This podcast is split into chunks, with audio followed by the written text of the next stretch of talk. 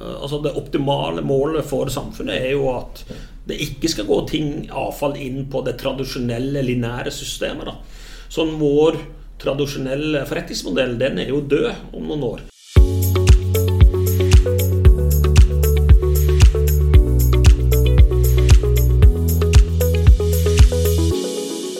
Det begynner å bli noen år siden den berømte økonomen Milton Friedman skrev at bedrifter har ett og bare ett hovedansvar å maksimere profitt.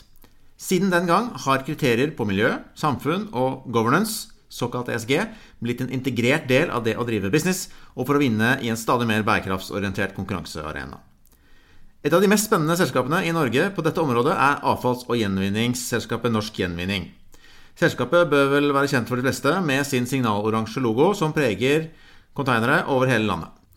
NG har en årlig omsetning på rundt 8 milliarder kroner og har over 30 000 kunder i Norge og er ledet av en svært bærekraftsengasjert toppleder i Bjørn Arve Ofstad. Han er dagens gjest. Jeg er Sindre Darre, partner i Agera.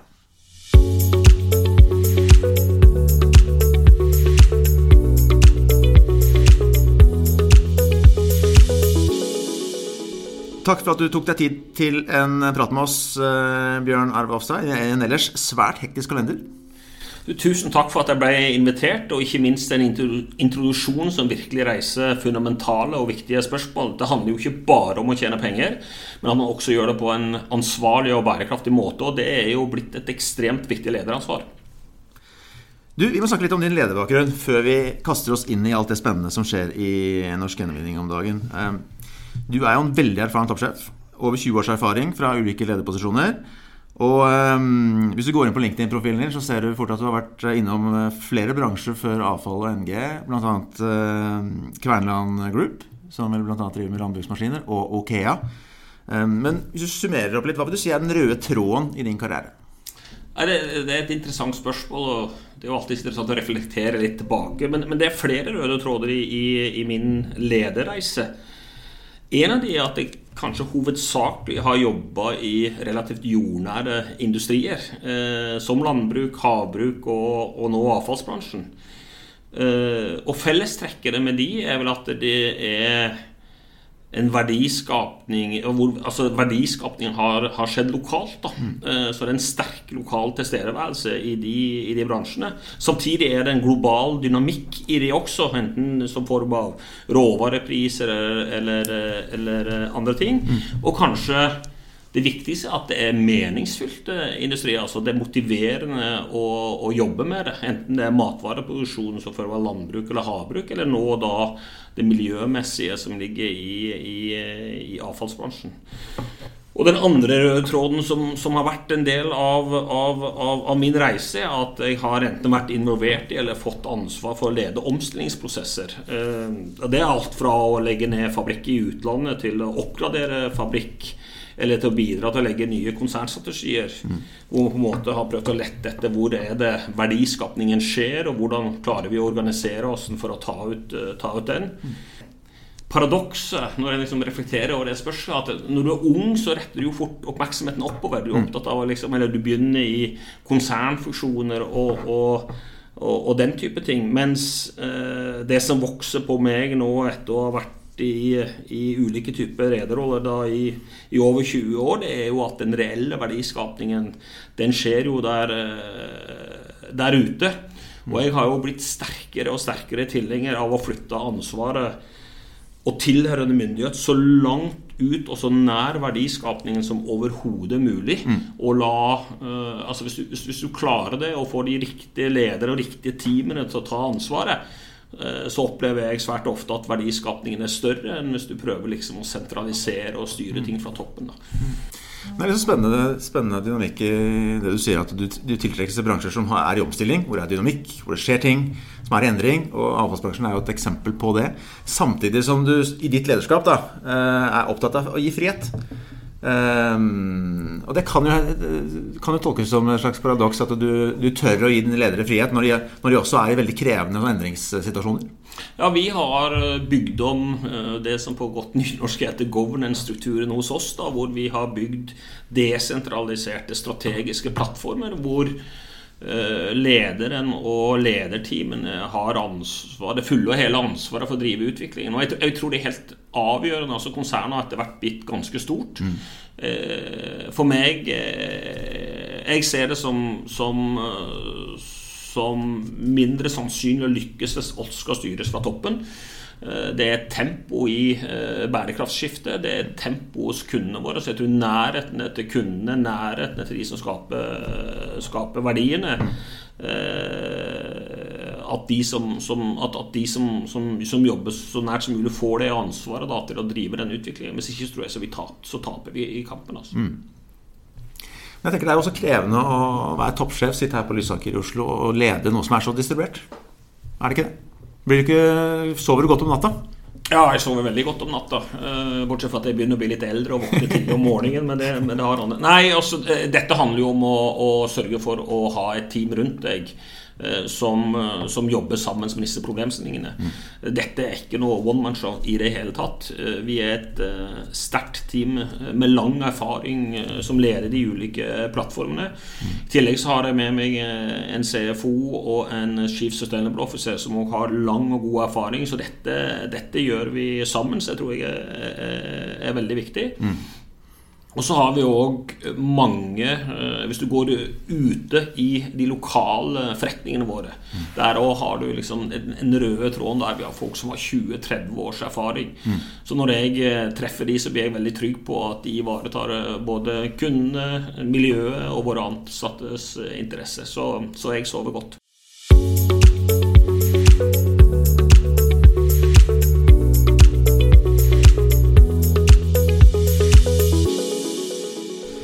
Litt inn på, på avfallsbransjen og, og, norsk gjenvinning. Jeg tenkte jeg skulle starte med en, en kort faktaopplysning. Uh, hver nordmann uh, genererer rundt 13 000 kg avfall, uh, strek søppel, i løpet av et år. Og bare 5% av det her blir gjenvunnet per per dag. og resten brennes eller går til det som kalles for deponi. og dette er jo åpenbart ikke bærekraftig på sikt. Men du er toppsjef i et avfallsselskap og et gjenvinningskonsern. Eh, her må det ligge en forretningsmulighet også? Dette er viktig, Sindre. Eh, bruken av materialer det står for over 30% av CO2-fotavtrykket. Eh, og, og, vår oppgave, altså NG oppgave, er å bidra til at vi bygger sirkulære løsninger som bidrar til å holde materialene i kretsløpet. At det mm. ikke går til deponier eller til, til forbrenning. Eh, det finnes ikke søppel mer, har vært et, et, eh, et av Enge sine mantra de siste ti årene. Og for oss er på en måte avfall eh, råvare på, på avveie. Mm. Så for oss ligger forretningsmuligheten i å sørge for at avfall blir til nye råvarer eller produkter. Mm.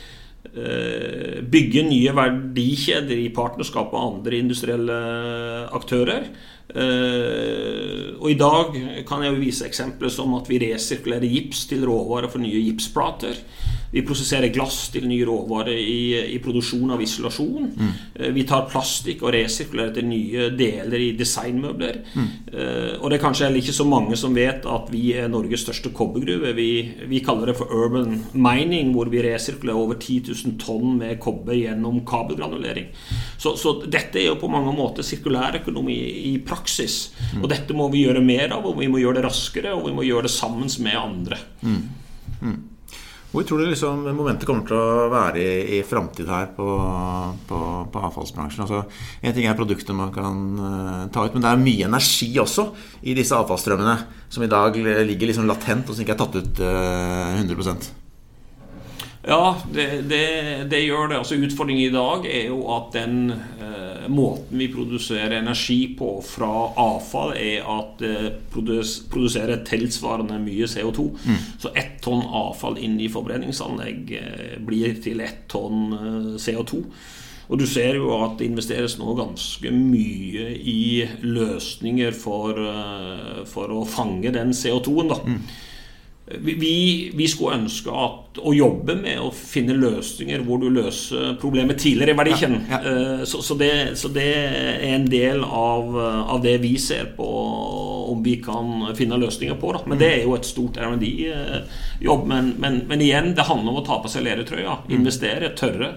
Eh, for å, å, bidra til at uh, verden blir et bedre sted å leve. Klart. Og jeg tenker eh, Dere kaller det oppstrøms og nedstrøms. Og oppstrøms så har dere på en måte full kontroll. Eh, dere er fintunet som industriell konsern. Eh, moden industri. Og så er vi litt nede, når vi beveger oss ned mot det du kaller produkter, eh, du kaller si kobbergruve, eh, isolasjon osv., så, videre, så er det jo det er mer umodent. Man må tenke mer som Om ikke en startup, så i hvert fall tenke annerledes da, i produkt- og tjenesteutvikling. Ja, det, det, må vi. Og, og, jeg har jo valgt da sammen med, med, ledelsen å skille ut enheter som uh, fra den tradisjonelle oppstrømsvirksomheten som vi har hatt historisk, hvor vi har vært eh, organisert med som et integrert konsern, mm. så har vi nå organisert oss slik at uh, i, i, ulike strategiske plattformer med helt tydelige forretningsmodeller, mm. hvor, hvor, de får utvikle uh, sine forretningsplaner og ideer da, i takt med sine kunder og i takt med de mulighetene de ser, på, på, en, på, en, på, en, på en, jeg tror på en mer effektiv måte da, mm. enn hvis vi hadde fortsatt slik som, som, som, som vi, vi har. da. Så vi har flere nye strategiske plattformer som har et helt tydelig mandat i å bidra til det, det, grønne skiftet, og at vi blir, eh, bygger flere sirkulære verdikjeder mm. raskere. Mm. Skal du lykkes med sirkulær økonomi, så må du bygge eh, det vi kaller sirkulære verdikjeder, et industry scale. Mm. Uh, og, og, sånn På papiret og på PowerPoint så ser jo dette ganske enkelt ut. Men, men du skal, du ha industrielle løsninger, så, så, må det være en stabilitet i verdikjeden. Altså Du må kunne produsere riktig volum til riktig tid med riktig kvalitet. Mm. Og det krever volum. Mm. Uh, og det krever at du bl.a. har tilstrekkelig med feedstock. da mm. Og det gjør jo at vi er i, en, i, i, en, unik posisjon fordi vi har en såpass sterk markedsposisjon da, mm. og en sterk infrastruktur mm. med lokal tilstedeværelse i hele mer eller mindre i hele landet, mm. uh, som, som, gjør at vi òg blir en, en, en, naturlig partner da, når nye verdikjeder skal bygges.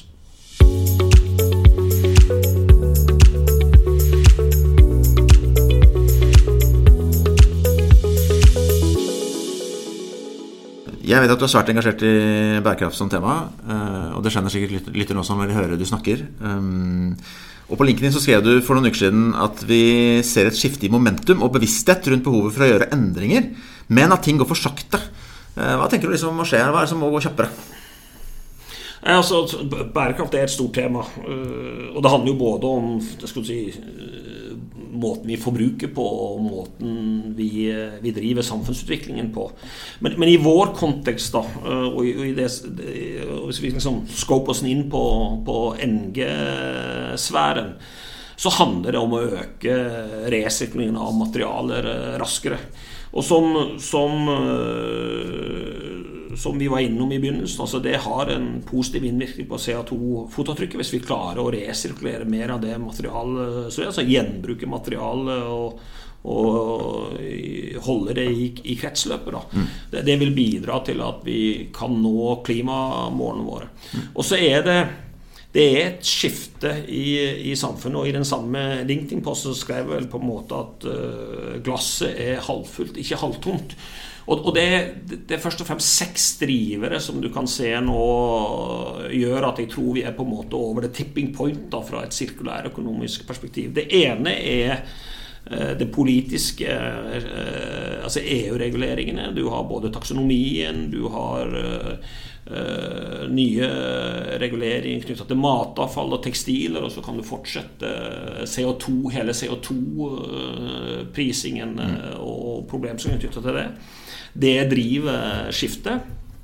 Og så kan du si at det andre, og, det, og det, det, tror jeg er ekstremt viktig, det er jo at de store konsernene, de store brandene, mm. de jobber nå med å erstatte jomfruelige råvarer med resirkulerte råvarer. Det tror jeg er drevet av et par ting. Det, for det første så tror jeg det liksom kan være økonomisk fornuftig å gjøre det. Mm. Og det andre er at deres kunder igjen forvente at man uh, gjør det for å uh, levere produkter som, som, har et miljøregnskap som er bedre når man bruker resirkulerte råvarer. Og så ser du at uh, den eh, presset som ligger i taksonomien om å redusere scope 3, er veldig veldig viktig i, i, i, i, dette arbeidet. Du får en fokus på at alle må forbedre fotavtrykket sitt. Mm. Eh, og, det, eh, så, så, det at etterspørselen Og dette, dette gjør jo at etterspørseldrevet eh, pusher sirkulære sirkulærøkonomien. Og så har du de siste ja, året med den tragiske situasjonen vi står overfor i Europa, at vi faktisk har en krig, har ført til energikrise. Det har òg ført til at vi har fått uh, leveranseproblemer i verdikjeden. Altså, hvem skulle tro at liksom, du ikke kan få varen på dagen når du går i butikken?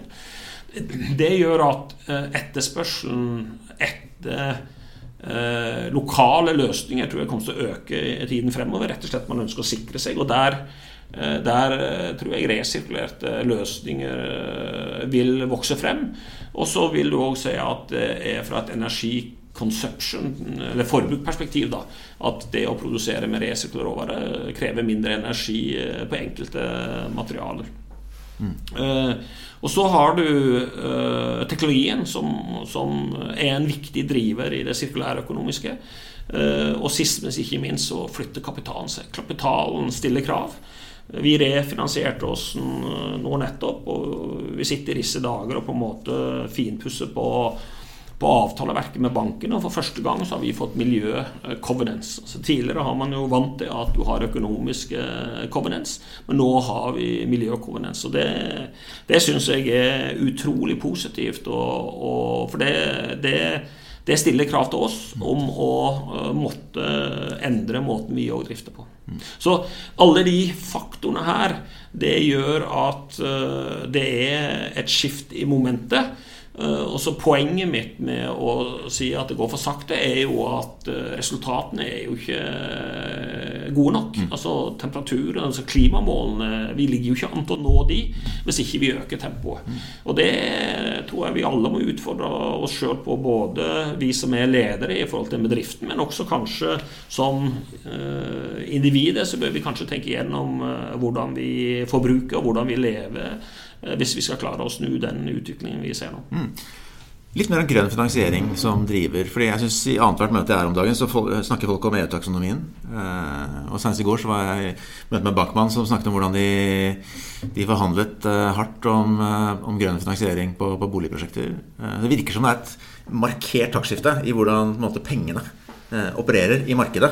Hvor viktig er det som driver sånn helhetsmessig? Fordi dette merker dere, dette merker eiendomsbransjen. Veldig mange andre merker liksom presset Eh, fra finansieringskilden om dagen? Eh, jeg tror, en, jeg, tror det, jeg tror, det, er en av grunnene til at vi ser det temposkiftet, at kapitalen stiller krav. Uh, og at, at man kan få både billigere finansiering hvis man gjør det på, på, riktig måte. Det er jo der hvor vi starta. Du skal ikke bare tjene penger, men du skal tjene penger på en bærekraftig måte. Du skal kombinere det og og, og, og gjør det som er riktig for, for, for samfunnet. Mm. Uh, så, så, jeg tror både finansiering og jeg tror også eierne må, må være med og stille krav. og det vi har jo en eier som gjør det, og, og, og som både ser det som en skal si, forretningsmulighet og en, en ren investeringsstrategi, kombinert med at man, man da òg eh, gjør noe gjør noe bra som er positivt for, eh, for jordkloden vår. Og så er det en annen side ved, ved denne nedstrømsaktiviteten som har noe risiko ved seg. og jeg tenker um, Det skal drives mye innovasjon uh, i årene fremover. Og noen ting funker, og noen ting funker ikke. Og en av de mest profilerte tingene som ikke funker om dagen, er jo f.eks. Quantafuel. Som har prøvd seg på en ganske offensiv strategi, som har snubla. Hvor aksept er det, tror du, for etablerte bransjer for å, å feile på, på, denne måten? Nei, jeg tror Hvis vi ikke tør, og ikke vil akseptere å feile, så vil vi ikke, vil vi ikke lykkes på nettet. Eh, vi har det, diskuterer det eh, internt òg på de satsingene vi gjør. Vi, vi har måte nå plukket ut eh, noen prosjekter hvor vi har sagt at her putter vi på, på betydelige med ressurser for å lykkes. Uh, og som jeg har sagt til min CFO, jeg tror vi må endre de der tradisjonelle regnearkene vi bruker når vi vurderer prosjekter, når vi skal jobbe med R&D-prosjekter på en ny måte. Hvor det er en annen type risiko enn det vi tradisjonelt har vært vant med. Da. Og jeg tror Hvis ikke du, hvis ikke du, hvis ikke du tør å feile, så tror jeg heller ikke du vil lykkes uh, i, i, i, det grønne, grønne skiftet. Og det, det, betyr jo at uh, det må det jo være rom for både i styrerommet, i ledelsen, og, uh, og vi må òg heie på de ute i organisasjonen som tør å løfte frem altså nye prosjekter, nye løsninger som har en annen type risiko enn det vi har. Mm. Og i så måte så, så det er jo selvfølgelig trist at Quantafuel ikke lyktes i den fasen de har vært igjennom nå. Mm. Uh, og så er jeg helt sikker på at man har lært av de prosessene, og noen nye har tatt over stafettpinnen. Og jeg tror ikke vi skal være overraska hvis de klarer å finne en løsning på de utfordringene de har, de har uh, hatt. da. Mm. Jeg synes Det er et veldig interessant tema. fordi uh, Sett utenfra så er ING et uh, stort industrikonsern. En moden industri. Det er store volumer, begrensede marginer. Eh, nesten drister meg til å kalle det litt sånn fastlåst system, hvor operational excellence er, er det viktigste. Eh, å jage, jage, litt bedre lønnsomhet. Så um, jeg ser for meg et dilemma her. Er det virkelig praktisk mulig å på en måte, ta på seg den bærekraftsatsen som, som, du gjør, da, og skape endring uh, med det utgangspunktet du har? Ja, det tror jeg. Altså, svaret på det er åpenbart ja. Og så, så, så, har jeg lyst til å ta uh, svare på det spørsmålet fra to perspektiver. Det ene er på en måte det å jobbe med kontinuerlig forbedring. Det vil alltid være viktig i en, i en industriell virksomhet. Uh, og, og både fra et miljøperspektiv og fra et økonomisk perspektiv. Og hvis du, hvis du ser tilbake i tid da når vi begynte å jobbe med sikkerhet, eller HMSK, da, i begynnelsen så var det jo relativt store investeringer du må gjøre, og du må legge om arbeidsprosessene for å, for å, for å Altså i måten man organiserer arbeidet, for å på en måte sørge for at eh, arbeidsoperasjonene var mer trygge og mer, mer, mer sikre. I dag så er det jo ingen som stiller spørsmål med at godt HMSK-arbeid også er lønnsomt for bedriftene. Altså Det er en forventning når du leverer inn anbud, når du snakker med kundene, at du opererer på en trygg og god måte. Så godt HMSK-arbeid er god lønnsomhet for bedriftene. Det samme tror jeg du vil se innenfor eh, bærekraft. Eh, vi må investere eh, for å endre. Vi må investere i nye løsninger. Vi kan ikke, Transporten og logistikken må, ikke, den må bli fossilfri. Eh, det vil kreve investeringer eh, og et, en, et stort løft. Og så er det på en måte sånn eh, Du har ikke råd til, til å være. Det, det, det, må skje. Over tid så vil jeg si at god, bærekraftige løsninger vil òg være lønnsomt for bedriftene. Så det er, det er den ene siden. Den andre siden i forhold til liksom er er det mulig å gjøre dette ut fra startpunktet, så tror jeg liksom, hvis du tar med det jeg sa i stad, altså det er et temposkifte i etterspørselen etter resirkulerte råvarer. Eh, det er det ene. Det andre er at eh, CO2-prisingen eh, på jomfruelige råvarer gjør at fundamentet i markedet for materialet vil endre seg, så du vil få et skift mot resirkulerte råvarer. Så du må forvente at verdien av det markedet da vil øke. Sånn at eh, de prisene du ser i dag, det er ikke de jeg forventer i, i, i, i fremtiden, som gjør at, eh, at fundament, de fundamentale driverne endrer seg og gjør at eh, markedet blir mer attraktivt. Det er interessant fordi dere er jo som sagt en stor aktør. At dere tør å være tidlig i bølgen da, og posisjonere dere for framtidens priser. er jo ikke nødvendigvis gitt når du ser på en måte selskapet deres fra utenfra. Det er et bedt Nei, men du, du, kan ta det fra et annet perspektiv. da. Vår forretningsmodell blir disrupta. Mm. Hvis samfunnet skal lykkes med sitt, så skal jo egentlig vi få uh, Altså Det optimale målet for samfunnet er jo at det ikke skal gå ting, avfall, inn på det tradisjonelle, linære systemet. da. Sånn vår tradisjonelle forretningsmodell den er jo død om noen år. Sånn at vi har ikke noe valg.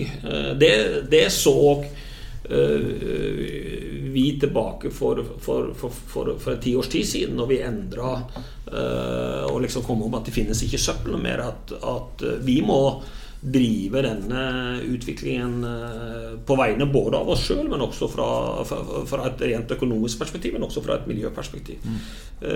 Og nå kan du si at flere av de strategiske plattformene som vi setter opp, skal jo disrupte det som du som tradisjonelt ville ha kalt vår kjernevirksomhet. Mm. Og det er jo en del av det vi må tørre å gjøre òg, for å sikre at uh, vi får uh, Altså, vi er 100 år om tre år, uh, og vi skal være her om 200 år òg.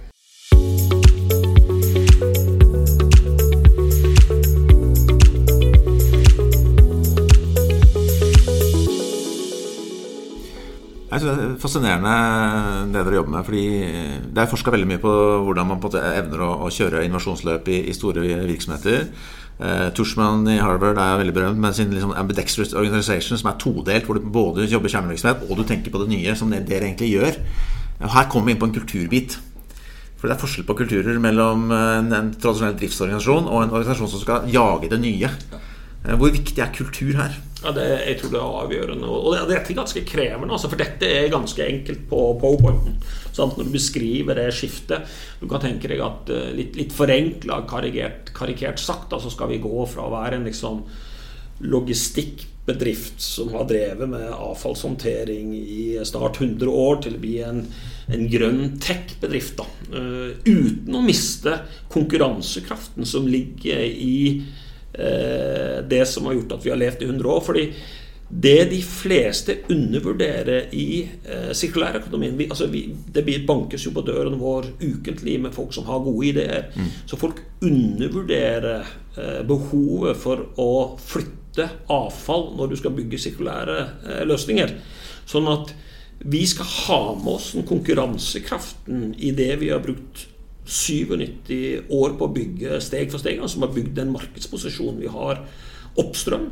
Eh, samtidig som vi skal bevege oss inn og ta en posisjon i å, å, å bli en teknologibedrift som i det ytterste er med på å sørge for at vi produserer grønn energi av, av avfall som skal ut av kretsløpet. Da. Først viktig for oss å sørge for at det er i kretsløpet, og deretter sørge for at det kan bli, bli grønnere. Det er en transformasjon som, eh, som eh, er betydelig og, og, krevende for ledelsen å, å, å gjennomføre. Og da, da, har jo vi valgt å bygge eh, det i strategiske plattformer, og da de som, som som eh, skal bygge på en måte den, noen av de nye reisene. Da. Mm. De, de, må da finne sin uh, unike måte å gjøre på. De skal konkurrere om en annen type kompetanse enn det vi tradisjonelt har rekruttert, osv.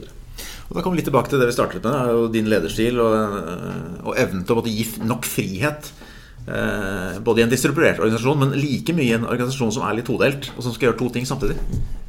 Ja, igjen, altså det, det, det, Min erfaring er på en måte at uh, det der jeg har best erfaring med å og Jeg ser at det funker best, er når du uh, gir uh, jeg skal si det tradisjonelle frihet under ansvar. Da.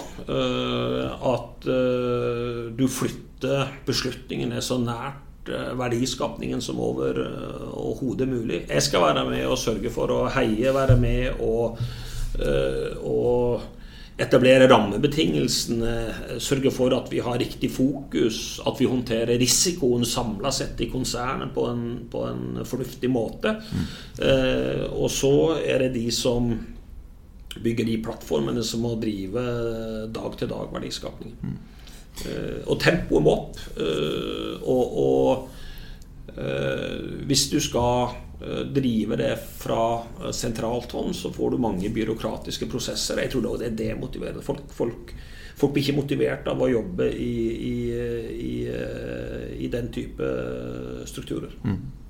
Vi må innom forholdet til eieren deres, som er investeringsselskapet Summa Equity, som er ledet av Reine Rindal.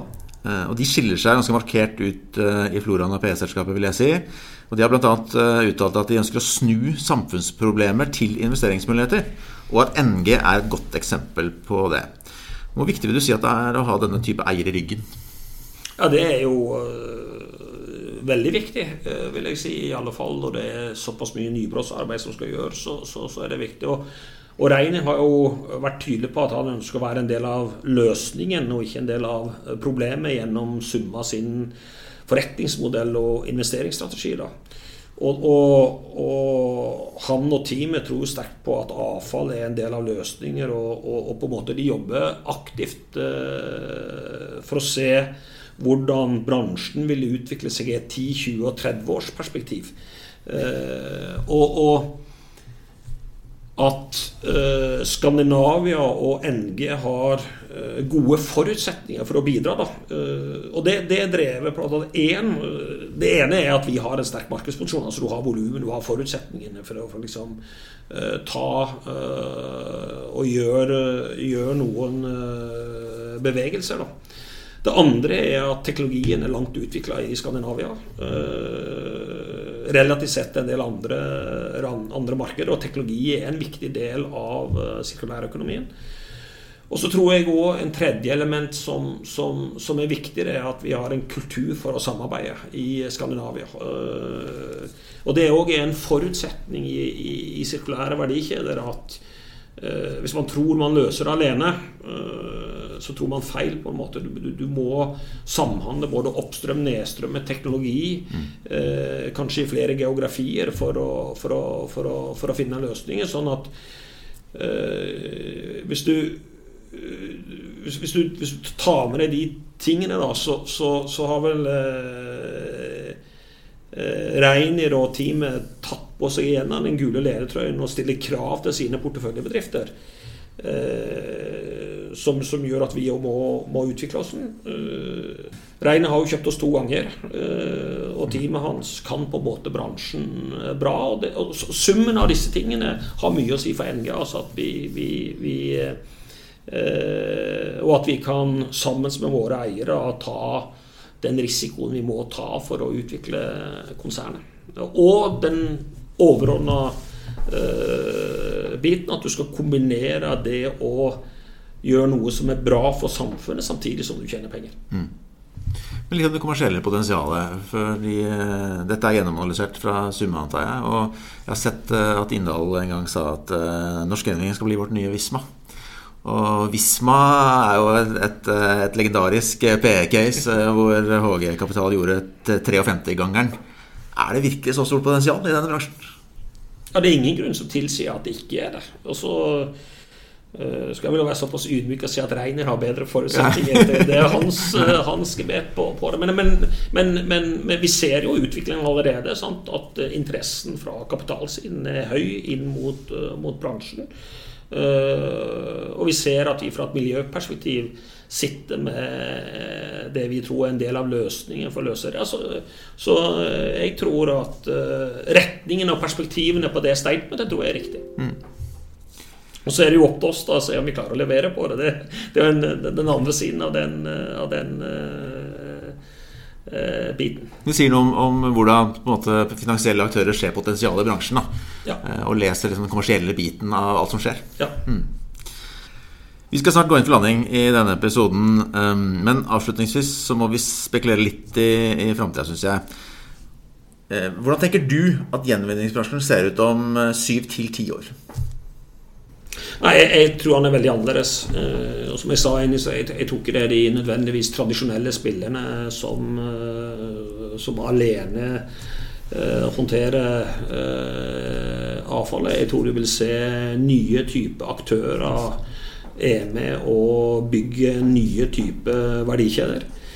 Eh, jeg tror eh, verdien av resirkulerte råvarer vil øke eh, i de neste syv til ti årene. Og så kan vi alltids diskutere tempo i det, men jeg, tror det er trenden på det. Og så tror jeg du vil se nye teknologier og innovasjoner som er med å, å, å, utvikle bransjen. Mm. Har du noen eksempel på, de, på, på utradisjonelle spillere som du tror kanskje har en rolle om syv til ti år? Nei, Hvor kommer de fra? liksom? Nei, jeg tenker at en del av Nesers Du kan f.eks. se Lidl-familien, altså den uh, de som eier Lidl, har investert i, i, i aktører innenfor avfallsbransjen. Mm.